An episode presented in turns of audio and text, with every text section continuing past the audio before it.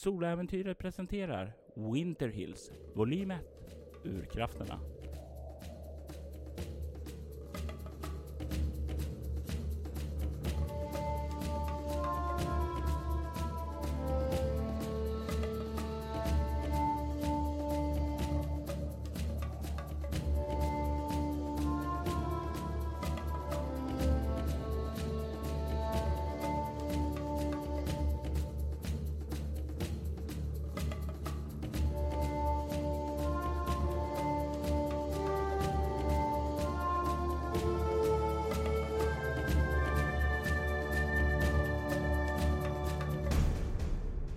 2 avsnitt 10 Looking Glass andra delen. Borgmästare Storm fick ett mystiskt brev ifrån den röda damen.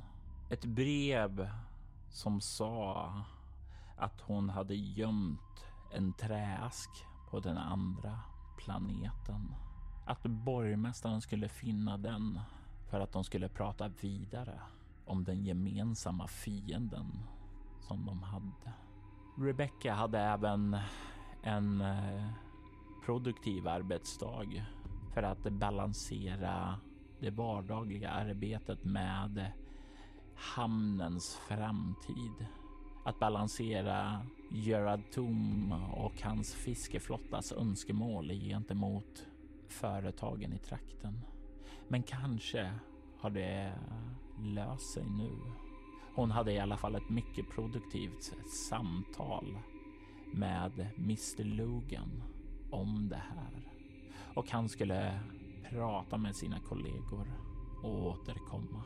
Natten har förflutit och en ny morgon är här. Eh, Rebecca, du sa igår att du ville besöka Jane Venus eh, butik. Du kände till att eh, Venus Antiquities and Oddities eh, hade öppnat mellan 10 till 16.00. Eh, när passar du in det här besöket under dagen? Klockan 10, prick. Är det här en dag som Mr Green arbetar eller är han ledig idag? Jag tänker att idag är en sådan dag som han arbetar eftersom jag hade eh, ju tänkt att han skulle förbereda lite grann. Mm. Och det hade jag gjort med framförhållningen att han, han arbetade idag. Han eh, brukar vara ledig imorgon istället. Ja, och då undrar jag vad du säger till honom då om ditt eh, besök ut vid 10-snåret då? Eller om du ens säger någonting eller bara går ut? Jag säger nog bara att jag eh, är snart tillbaka. Jag säger nog ing- ingenting specifikt om mitt ärende. Han eh, noterar det och sen så återgår han till sitt pappersarbete. Mm. Du kommer fram till Venus Antiquities and Oddities eh, så att du står där och väntar vid prick 10 och du kan se då hur Jane är framme där och vänder på skylten closed till open och kliver in i butiken. Jag har ju varit här förut. Jag eh, ser det som min eh, plikt att eh, uppsöka de största näringsidkarna i samhället. Och dessutom ligger ju det här nära, så jag har ju varit här förut. Däremot så har jag ju inte handlat så mycket här. Nej, och med tanke på då att eh, du har varit här så känner du ju till att det här är ju en butik som, ja, den är ju mer riktad till eh, företagsledarna och eventuella partners där. De är riktigt mycket pengar då. För att öppna en antikvitetsaffär mitt ute i ingenstans är väl kanske inte det mest starka företagsbeslutet man kan göra, men uppenbarligen så verkar det ju hålla eftersom hon fortfarande driver sin butik. Hon har dock en liten sektion nu som man nyligen öppnat då för att eh, locka dit lite ungdomar och sådant med lite så här häftiga filmrekvisita och props och sådant där också. Mm. Så det är en liten eh, ny klientell som ur ett businessperspektiv känns mer rimligt att ta. Du kliver in i butiken och du kan höra att det plingar till en dörrklocka där när du gör det. Det är inte direkt möjlighet att kliva in här utan att bli upptäckt då. Du kan se in ett par hyllor med eh, glasdörrar som står till vänster om dig och till höger precis vid utgången så finns eh, receptionen och med kassan och sådant där. Så det är liksom precis när du går ut så passerar du alltid förbi kassan och det står lite sådana här små plockgrejer som man kan impulsta även om man inte handlar någonting. Jag tänkte lite små souvenirer och sådant där också. Längre in så kan du även se eh, en del montrar med lite finare smycken och andra typer av enklare artefakter och läng bortanför dem så kan man se en liten halvtrapp som leder ned till eh, sektioner där det finns lite props och rekvisitor för ungdomarna. Eh, du kan se också då Jane som just kliver in bakom eh, eh, själva disken då och eh, ställer sig vid kassan, ler mot dig när du kliver in. Hon är klädd i en ganska fin, lång mörk klänning eh, och hon har ja, mm, använt både smink och smycken för att eh, framhäva sitt utseende. Då. Hon ser rätt proper ut, som om hon kommer från någon form av eh, familj som har haft det gott ställt och eh, därmed liksom definitivt vet eh, hur man bör klä sig och röra sig i finare kretsar. Hon är över medellängd och har ett långt svart hår som hon satt upp i en eh, hårknut eh, med ett smycke där nu så hon ser väldigt, väldigt proper ut och hon kollar på dig när du kliver in och säger Välkommen! God morgon! Det är en sann ära att få ha er här, borgmästare Storm. Så, vad kan jag göra för dig idag? Är det något särskilt som ni söker? Jag eh, kände ett eh, stort intresse för att förnya mig på något sätt. Jag eh, är lite trött på hur inredningen ser ut. Så jag tänkte att det här är faktiskt det utmärkta tillfället att stödja den lokala affären. Du kan se hon ler. Det gör mig så glad att höra. Om jag kan hjälpa er att förnya er inredning så gläder det mig. Vill ni ha en liten rundtur av mig eller känner ni för att kolla runt själv? Jag tar gärna en rundtur. Du kan se hon går fram till utgången av den här lilla desken och liksom drar upp den här hyllan som man fäller ned för att liksom avgränsa det där. Och kommer ut till dig och säger Mm. Låt mig få visa dig runt så ska vi se om vi inte kan hitta något som passar in i er smak. Här finner du små men spännande saker som kan piffa upp både kontor men såväl ert hem. Du vet ju vad de säger, allt hänger på detaljerna. Hon börjar eh, berätta om allt ifrån eh, olika vaser, var den har kommit, en liten historia. Hon är en rätt skicklig eh, försäljningsperson för hon liksom får varje grej att kännas som om ja, men det här har en intressant historia. Den vill jag ska bli en del av mig. Eh, en del av mitt hem.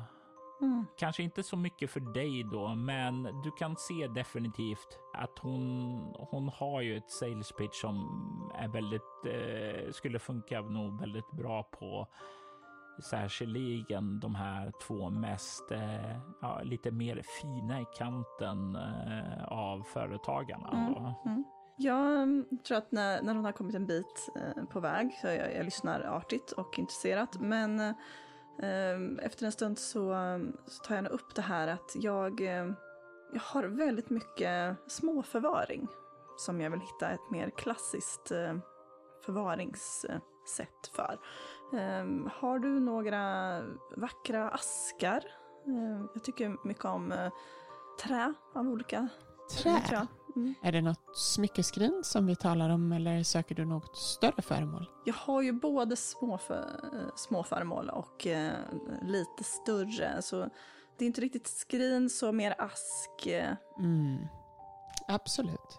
Låt oss gå lite längre in i butiken så har jag nog något som kan tilltala dig. Hon kommer ju bort till en liten avdelning och kan se flera olika, ja, allt ifrån små trä och plåtaskar till lite större, nästan så här kistor Mm. också. Mm. Den här tror jag definitivt skulle passa in i ditt kontor. Kan du berätta lite mer om eh, provenansen på, på just den här asken?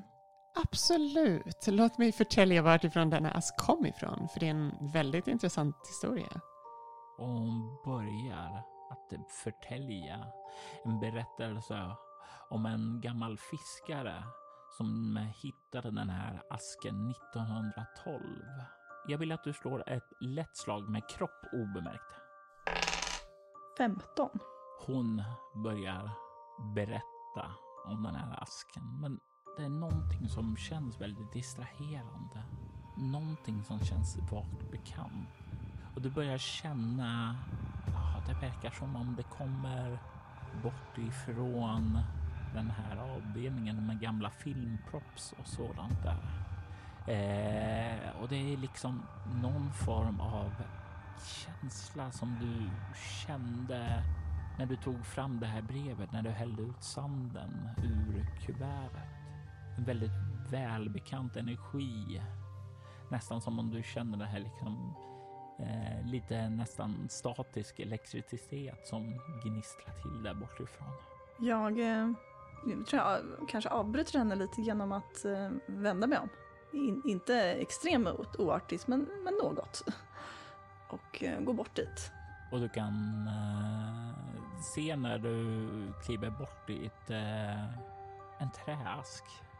En kvadratisk träask som ja, den kanske är ja, en 10 centimeter stor kub som har ett, eh, ja, inte ett lock, men det är en sån liksom du kan bara dra den rätt upp för att dra av den. En sån typ av lock istället för ett litet gångjärn.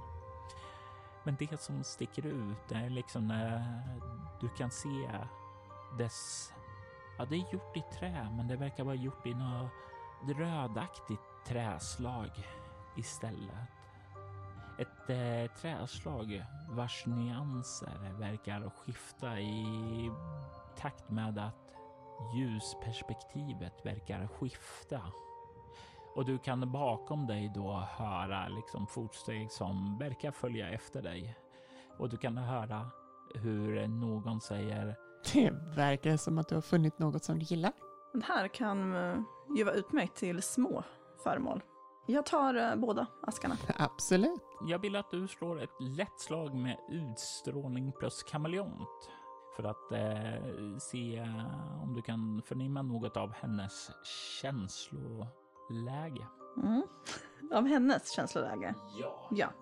Men då använder jag även själskraften hemligheter. Ja, och då eh, får ju du plus åtta på det här slaget. Och du får ju inte minus sju på det här slaget, för det är inte du som ska visa dig sympatisk och sådant. Nej, nej. Ja, ja men då får jag ju rätt bra, helt Ja. enkelt. Kanske jag inte behöver slå ens, eller ska jag göra det ändå? Vad har du i utstrålning kameleont? Eh, grunden blir då 12 eh, och sen plus 8. Mm. Jo, du behöver slå för det är ett motståndslag här. Ja. Och Jane Venus har hyfsat i sina de här färdigheterna. Då gör jag det. Då blir det ju 23. Och Jane kommer upp i 20 och det är faktiskt ett lyckat. Du ser in i Janes innersta när hon nickar och säger Du ska få vad du förtjänar. och börjar plocka upp båda askarna. Du känner att hon är extremt inställd på att eh, göra dig till eh, tillfreds, att göra dig nöjd. Att binda någon form av kontakt med dig. För hon tror hon kommer behöva din hjälp till sitt sanna skäl att vara här. Till att finna sin försvunna son. Besvärjarna på Hardstone and Winter lokaliserade sonen hit Men hon har inte funnit honom. Hon hade hoppats på att de två försvunna flickorna skulle leda henne till hennes son Bartholomew. Men så var inte fallet. Men hon har ögonen öppna och hon tror att du kan bli användbar för henne i hopp om att finna sin son. Så hon är rätt villig att eh, göra dig till freds. Särskilt när du pekar på den där, den här röda asken som hon inte har en aning om var den kommer ifrån. Hon har aldrig sett den tidigare. Eh, hon plockar upp dem och eh, kliver bort till eh, disken och hon ganska vant och erfarent eh, slår in dem och stoppar ner dem i en eh, liten kasse. Du vet väl om att eh, det är 25 procent på första köpet? Ja, det är en trevlig butik du har här. Tack så mycket Rara du. Trevligt att se er. Hoppas ni får en jättebra dag. Detsamma. Och du kliver ut ur butiken med den här kassen och du känner den här liksom energin som går igenom den här lilla träasken. Jag eh, går hem. Jag går upp eh, till min lägenhet Mm. och där öppnar jag den. Var exakt är du när du öppnar den och hur öppnar du den? Jag eh, befinner mig i... Jag förmodar att det är en ganska liten lägenhet. Eller är det en stor lägenhet? Det är en stor En lägenhet. stor lägenhet. Då befinner jag mig i köket när jag öppnar den. Du befinner dig i köket, ja. Eh, För det är ju också i köket som jag har den andra eh, plastlådan med eh, mm. sanden. Eh, så du har ställt ner den på bordet och står där upp nu och öppnar den och tittar ner på den eller har du slagit dig ner och sitter och Jag står vid köksbänken. Mm. Mm. En sån här köksö så att jag står vid den. ja. Och du öppnar upp den och du kan se att det i asken finns mer av den röda sanden. Du kan se att den är fylld till hälften av den. Och du kan se hur nästa ögonblick så fuffar den till ungefär som du när du tänder eld på magnesium att den flashar till och försvinner nästa ögonblick. Till. Och det bländar dig och du känner obalans och liksom faller till marken. Och sakta så börjar synen att komma tillbaka. Och du kan se att du inte längre verkar befinna dig i din lägenhet. Du ligger på marken direkt på röd sand. Du kan se de gassande solarna. Det är tre stycken på himlen. De brinner med ett starkt rött sken och åt ena hållet rakt fram där, där du sätter dig upp så kan du se höga röda stenklippor.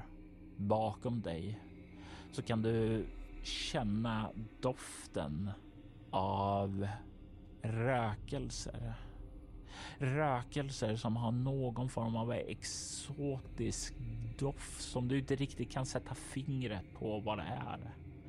Det är främmande men ändå härligt. Du har under din långa, långa livsperiod aldrig varit med om något liknande.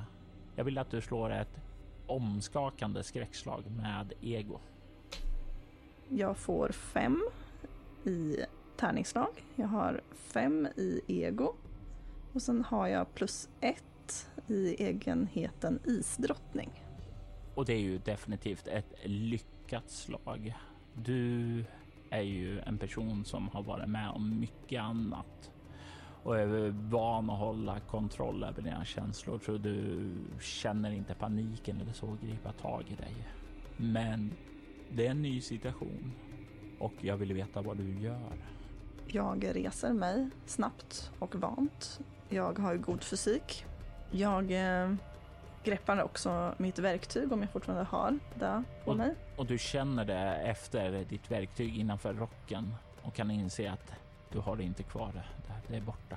Har jag eh, kvar eh, några verktyg överhuvudtaget? Har jag även, har jag, eh, jag, jag kollade efter min power, nej inte power tool, det är fel. Ehm, ja, med, med tång och liksom kniv och skruvmejsel och sånt. Nej, du, faktum är när du känner i fickorna och så är det helt tomt. Alltså inte ens dina nycklar och sådant som du, du brukar ha på dig, eller plånbok eller något sådant. Mm. Allt är borta. Linser. Borta. Jag eh, eh, försöker skanna av eh, omgivningen. Nej, ja, du ser ju de där höga bergen som verkar resa sig. Men jag ser inga personer i omgivningen. Och när du kollar bakåt därifrån rökelsedoften kommer kan du se att det finns ett tält där också. Ett stort uppspänt tält därifrån, där inifrån doften verkar komma. Finns det, det här är ju sand. Finns det några stenar? Det finns stenar längre bort ifrån tältet i riktningen mot klipporna. Där verkar det bli lite grann av en eh, mer av en stenöken som går över till klipporna sedan. Mm. Och ingen eh, växtlighet, typ grenar och liknande. Nej, Nej, ingenting jag kan använda som ett vapen helt enkelt. nej, inte annat än eh, sand då som distraherar för Ja, en kort stund. jag tar en näve sand, stoppar i fickan. Mm. Sen så avancerar jag mot eh, tältet. Du kommer fram till tältet och kan kika in där. Du kan se att det är ligger många olika kuddar och det finns en sån här divan där också där det finns ett litet bord där det står eh, rökelser som brinner. Men det står även en teservis där och två stycken koppar. Längre in så kan du se en kvinna. En förtrollande vacker rödhårig kvinna. Hon är klädd i en eh, röd axellös klänning som är ganska lång och det är liksom någon form av vitt eh, brodyr längst upp på klänningen. Hon har även långa röda handskar som går upp till nästan armbågen. Och du kan se att hon ler på dig med sin, sina vackra röda läppar och säger Välkommen Rebecca. Så, den eh, röda damen som har bjudit in mig. Det stämmer. Välkommen, slå dig ner. Jag vet att te kanske inte är något som du behöver, men eh, du är välkommen att ta en kopp med mig om du så vill, säger hon. Tack. Jag slår mig ner. Jag tänker att hon har ju redan förgiftat mig så att det kan inte bli så mycket värre. jag eh, tar lite te. Hon kliver fram och tar upp en kopp åt sig själv samtidigt som hon slår sig ned på divanen. Jag tänker också att även om det här är en plats som hon har valt och jag eh, troligtvis inte kommer härifrån så är jag ändå beredd att använda eh, tekannan som ett vapen. Jag skickade ett brev till dig av den enkla anledningen att vi båda har en gemensam fiende. En gemensam fiende som hotar dem vi bryr oss om. Jag vet vem du har ett öga för. Rebecca. Och jag ska vara fullt ärlig att jag behöver din hjälp för jag kan inte verka i er värld. Jag behöver eh, lite mer information om din egen person innan eh, vi överhuvudtaget kan inleda någon förhandling. Vem är du? Jag är den röda damen. Jag är en varelse som lever här i drömlandskapet som ni vakna kallar det. Jag är väktaren som står och skyddar er värld från det som lever i oändlighetens stad i Kisikililake. Är det ett bekant namn? Du har aldrig hört talas om det tidigare. Det är helt eh, främmande för dig. Utifrån någon form av eh, lingvistik kan jag, eller överhuvudtaget, hon ser inte speciellt eh, inuitisk ut. Nej, definitivt inte. Hon, ja, den närmsta bilden du liksom skulle kunna placera när det är en sån här nattklubbsångerska, lite så här förförisk och sådant. Mm. Definitivt inte inuitisk. Nej, för det, det, var, det var liksom min för, första koppling till namnet. Det kändes lite, lite inuitiskt, men, men det, det finns ingen sån koppling. Nej. Nej. Du kan se hur hon tar en sipp av teet och säger men det är inte fienden som vi behöver oroa oss för. Den fiende som är på väg att vakna. Det är urkrafterna. Och det här är dock någonting som klingar bekant för dig. Du minns från din tid med Gilbert att han var besatt av att eh, samla in olika rykten och skrönor om saker och ting i trakten. Och ett av de ryktena som han liksom snappade upp var om någon gammal ja, mäktig väsen eller väsen plural eh, som kallades för urkrafterna. Något som skulle ha funnits här för väldigt, väldigt länge sedan. Du eh, är bekant med det sedan tidigare ser jag. Och vilket hot eh, kan de här, den här ur, urkrafterna utgöra? De hotar att släppa fri det som levde här långt innan ni människor kom hit. De ursprungliga bästarna, urkrafterna, verkar genom pjäser som främjar detta syfte. Och om de uppnår sin plan så kommer allt mänskligt liv att slockna i trakten. Och det är någonting som jag inte tror varken du eller jag vill se ske. Nej, där har vi absolut ett, någonting vi kan samarbeta kring. Men det här eh, drömlandet som jag befinner mig i känns ju onekligen något främmande. Eh, hur ska jag kunna veta att jag kan lita på dig? Du var inte speciellt öppen om, eh, i, i ditt brev om vart jag skulle träffa dig. Jag är aldrig öppen med saker och ting, för man vet aldrig vem som lyssnar.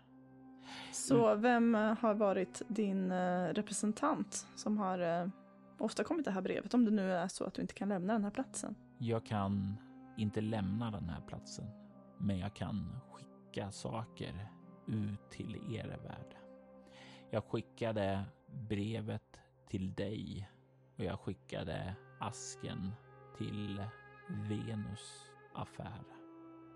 Om någon annan skulle finna brevet så skulle den kanske förhoppningsvis inte direkt finna asken. Skicka aldrig all information till ett ställe. Ja, jag är beredd att samarbeta i frågan så länge som jag är övertygad om att vi har ett gemensamt syfte och att våra intressen inte krockar med varandra. Du verkar veta vad jag har för intressen. Ja, Hur kommer det sig? därför att du, som alla människor, är en del av denna värld. Ni är alla sammanlänkade hit. Och för den som är riktigt erfaren, den besitter möjligheter att skåda in i andra människors hjärtan. Jag kan Jag skåda vem du är och vad ditt syfte är.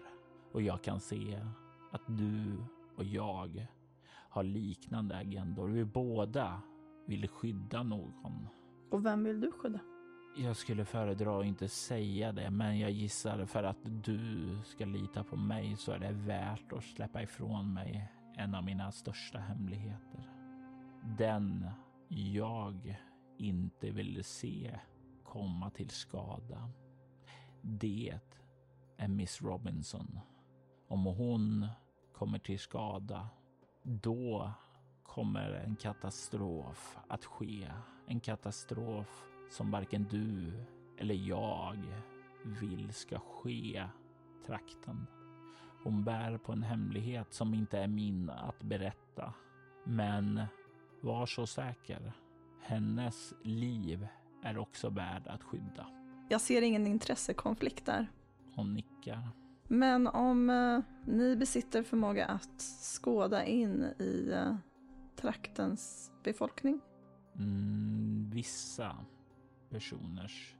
En del besitter förmågan att fjärma sig. Så vem utgör ett hot?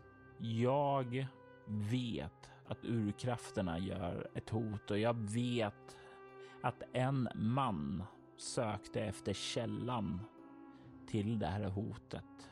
Pratar ni om Mr Shanks? Ja, jag vet att han hade tagit reda på en plats där urkrafterna skulle manifestera sig och bege sig iväg dit för att stoppa dem. Vet ni hans öde? Jag kan inte längre se in i det. Det är för mig dolt. Det är inte någonting positivt. Men jag skulle tro att om du följer honom så kan du få mer information om urkrafterna och vilket hot det utgör. Kan ni veta vem som är min fiende? Jag kan inte läsa dess sinne, men jag vet att den är kopplad till urkrafterna. Att den har funnit en allians där. Men du vet inte vem som är kopplad? Min förhoppning är att om du följer Gilberts fotspår så kommer du att få de svar du behöver. Gott.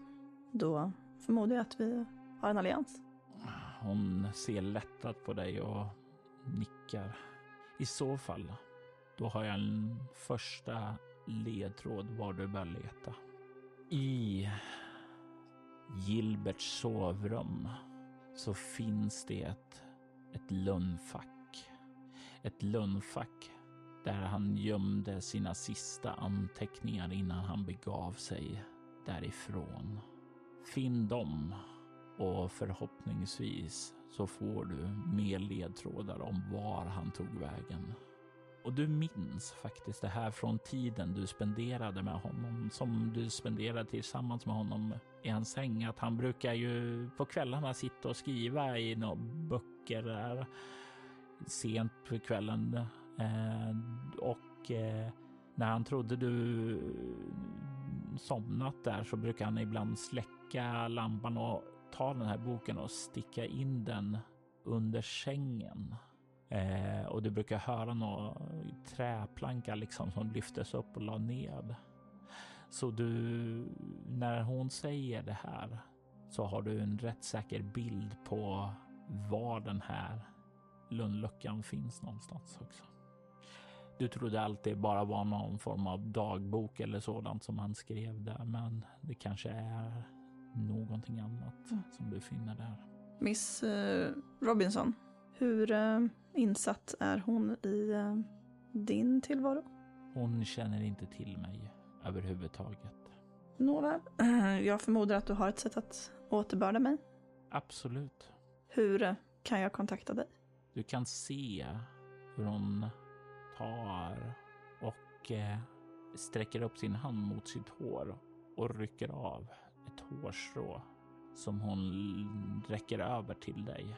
Ett långt rött hårstrå. Knyt det här hårstrået kring ditt finger när du lägger dig för att sova så kommer du vakna upp hos mig. Ja, jag tar emot den. Du kan skriva upp det på utrustningen. Hon gör sedan en gest åt divanen och säger lägg dig ned här och somna. Så kommer du vakna upp där du öppnade min ask. Jag lägger mig ner och eh, försöker sova. Och det går väldigt enkelt. Det här teet du har druckit, det hjälper till tillsammans med rökelserna som liksom vaggar dig in djupare. Och det sista som liksom för dig in i den rofyllda vakenskapet som du lever i. Det är den röda damens vackra nynnande som är, ja, inte en godnattsång utan snarare en god morgonsång. Du vaknar utvilad på golvet där du har trillat ihop I köket. i köket. Jajamän.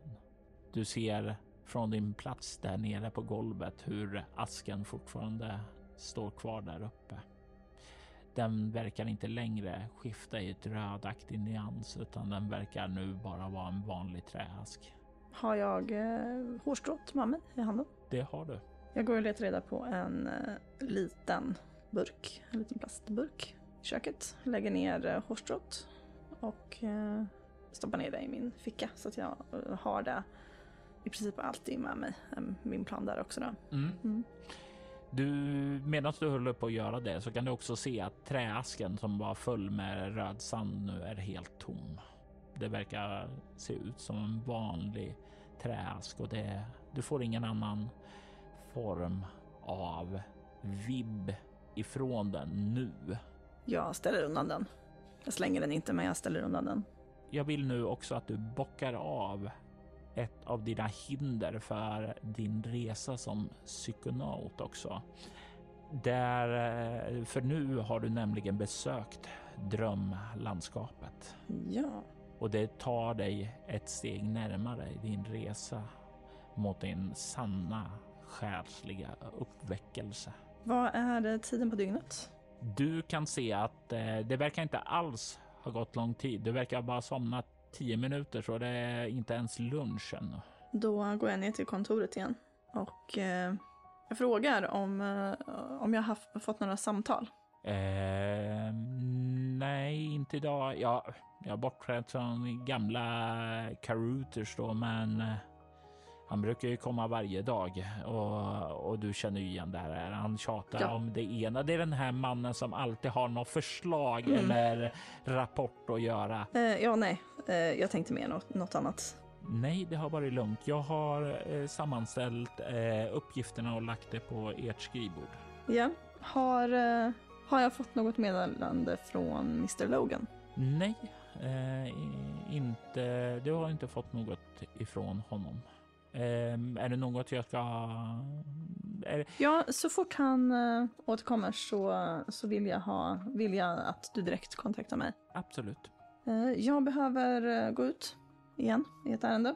absolut. Jag kommer återkomma om, eh, skulle tippa på någon timme efter lunch. Han nickar och Du kan, du kan ta två timmars lunch om du känner för det. Du kan se han kollar så här lite storögd på. Okej, det var oväntat, men han bara nickar. Eh, han tänker inte skåda en given häst i munnen. Jag, eh, hur lång tid tar det att upp, åka fram och tillbaka till eh, Shanks? Det tar säkerligen för dig som har åkt där en halvtimme ut dit och en halvtimme tillbaka. Mm.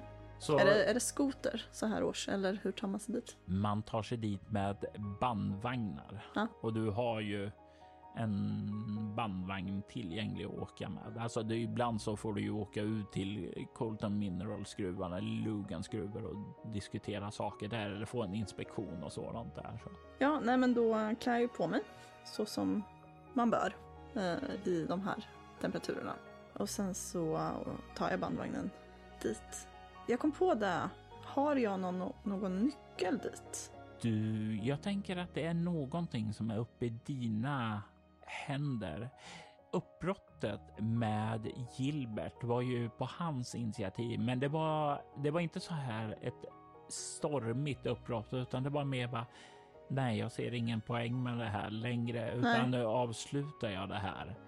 Men det var aldrig så att han gjorde en gest av att få tillbaka nyckeln, så om du inte har den så var det någonting som du gjorde som en mm, ja, så här, markering gentemot honom. Men det kan vara lika naturligt att du inte gjorde det med tanke på att vem Mm. vet när en nyckel kan komma väl till pass. Precis. Nej, men då har jag ju kvar nyckeln. Så då ser jag ju ingen anledning till att behöva eh, besvära Lyle med det. Så. Mm.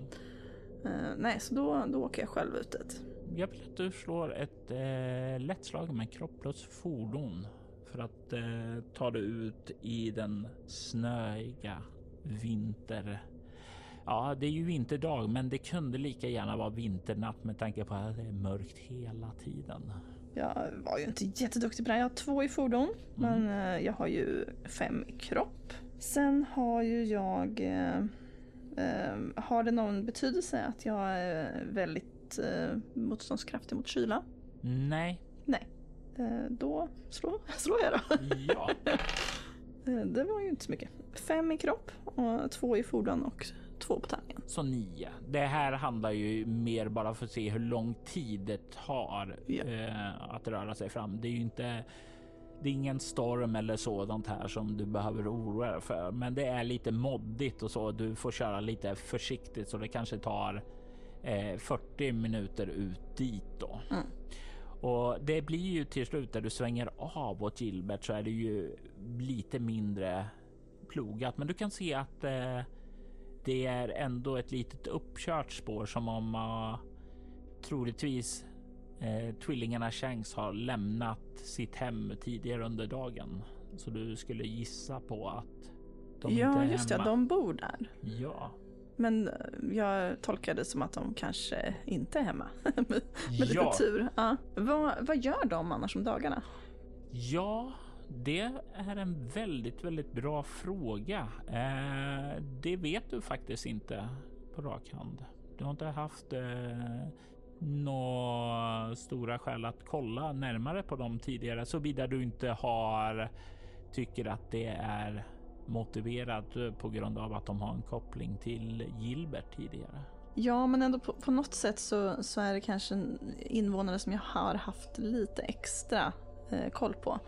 Eh, inte jättemycket, men, men en sån här basal sak som att de kanske har ett yrke eller liknande. Då undrar jag hur du har hållit koll på dem. Eh, hur har du försökt hålla dig uppdaterad om det? Är det dina nattliga iakttagelser? Ja, det är nog mycket det. Eh. Att, att, kanske, och kanske även eh, i samtal med eh, Ja, det är ju Lyle då. Eftersom det är den enda som jag, jag för speciellt mycket samtal med. Men jag har även frågat eh, Landon Green lite mer specifikt om, Mm inte, natur, inte bara dem, utan kanske li- lite sådär lindat in det med att prata om flera olika personer. Jag tänker så här, för det finns flera olika slag du kan förslå. Du kan förslå ett utstrålning interaktion om det är mer så här, att tala med folk för att snappa upp rykten och sådant där. Eller om det är mer att du har suttit och tjuvkikat uppifrån lokalen och tjuvlyssnat på The Icy Leviathan. Då får du slå istället ett kropp obemärkt. Det är nog, mer, det är nog snarare den Mm. eh, approachen eftersom jag inte småpratar speciellt mycket om, eh, om folk. Eh, jag är väldigt dålig på det och då öppnar man ju upp och talar om sig själv och det gör jag ju inte. Nej. Det är värt att säga också att du kommer få väldigt olika information beroende på vad du slår. Ja. Ja, nej, men, men mer observationer Mm. har det nog varit. Mm. Slå ett lätt slag med kropp plus obemärkt. Mm. Jag är ju rätt bra på obemärkt där. Eh, Jag har ju sju, och sen har jag ju fem i kropp och nu slog jag ju en sexa. Så det var ju väldigt bra. Så då är jag ju uppe i 18. Du vet sedan tidigare eh, att eh, den ena systern, Samantha, ja, hon har varit redan under sin tid här så har hon varit lite problem eh, för, sta, för Lyle då. Det, hon blev gripen eh, efter att ha varit på skolan och varit upprörd över att det var en flicka här som hon anklagade lärarna eh, tillät mobba den försvunnade Lucy. Och det uppstod ett storgräl där och eh, sheriffen tog in henne till arresten eh, för att hon hade skapat ett, en scen där. Grejen är att hon verkar vara en juridikstudent eh, och eh, hade väldigt mycket tankar om att så här står det i lagböckerna. Men du som har varit här ett tag har ju insett att ja, men det fungerar inte alltid enligt lagböckerna. Det finns en liten egen sätt att hantera lagen här då. Man är lite mer flexibel. Hennes syster Simone däremot eh, kom och pratade eh, med sheriffen och eh, fick honom att släppa systern. Hon verkade ja, lite mer, vad ska man säga, lite mer av en frisinnad själ och förstå att ja, men allting kanske inte fungerar så som det gör i storstaden som de kommer ifrån. De verkar komma ifrån Kanada. Exakt eh, vad hon är eh, vet du inte, men du tror hon är någon form av student, nå marinbiolog av något slag. Du vet att hon nyligen också har engagerat sig i Winterwolves. Men eh, de verkade ha blivit inbjudna hit av Gilbert. Men eh, utifrån deras egna utsagor så verkar när de kom hit så var Gilbert borta. Han tog inte emot dem och de vet inte vad han är. Eh, jag kom ju på det också här att jag har ju också en specialisering på att spana. Då kan du få slå en tärning till och får du två eller mer så blir det ett perfekt slag. Det fick jag ju inte. Jag fick en etta. så det blev ju inte det då. Nej. Så det var ingen större eh, skillnad där. Men så, så vad de gör just nu, det, det, vet jag inte så mycket annat än att möjligtvis engagera sig i Winter Wolves för Simons del. Då. Ja, de verkar ha kost och logi eh, utifrån att leva hemma hos Gilbert. Du vet ju att han har en ganska att hans, eh, han har ett ganska stort hem Eh, säkerligen väl eh, stockat med mat och sådant där, så de har nog så de klarar sig där. Mm. Eh, men exakt eh, vad de gör för att fördriva dagarna, det har du däremot ingen aning om. Då så, då får jag väl helt enkelt eh, åka dit och knacka på först innan jag går in med nyckeln då. Mm. för artighetens skull. Och eh, du kör upp där utanför och kliver sedan fram emot dörren. Du ringer på och du kan ingenting höra. Det verkar tyst. Ingen är hemma. Nej, då använder jag min nyckel. Du låser upp dörren. Hallå? Du ropar ut där och i nästa ögonblick så hör du ljudet av hundskall som ekar genom huset och hur en hund kommer springande emot dig. I detta avsnitt hör du Regina Backlund som Rebecca Storm och Agnes Rudbo som Jane Venus. Winter Hills är en berättelse skapad, spelad och producerad av Robert Jonsson till rollspelet Bortom som ges ut av Mylingspel. Denna säsong klipptes av Kvarnberg Productions, Robert Jonsson och Jörgen Niemi. Kvarnberg Productions är ett företag som bistår dig med allt ifrån att hjälpa dig till att starta upp en podd till att klippa och producera den. Du hittar dem på kvarnbergproductions.com och länkar till deras kanaler hittar du i avsnittets inlägg. Winterhills temamusik skapades av Andreas Lundström från rollspelspodden Sweden Rules. Ni hittar hans musik på Spotify och Soundcloud. Musiken i denna säsongen kommer från Ager Sonus, Alfax One, Atrium Carcere, City's Last Broadcast, Council of Nine, Creation 4, Cryo Chamber-kollektivet, Dead Melodies, Eldar, En Marta, Northumbria, Onasander, Plamen Veknosti, Proto You, Shrine, Skrika, Tinnedai, Ugasani, Xerxes the Dark, Wolves and Horses. Alla dessa band var från Cryo Chamber.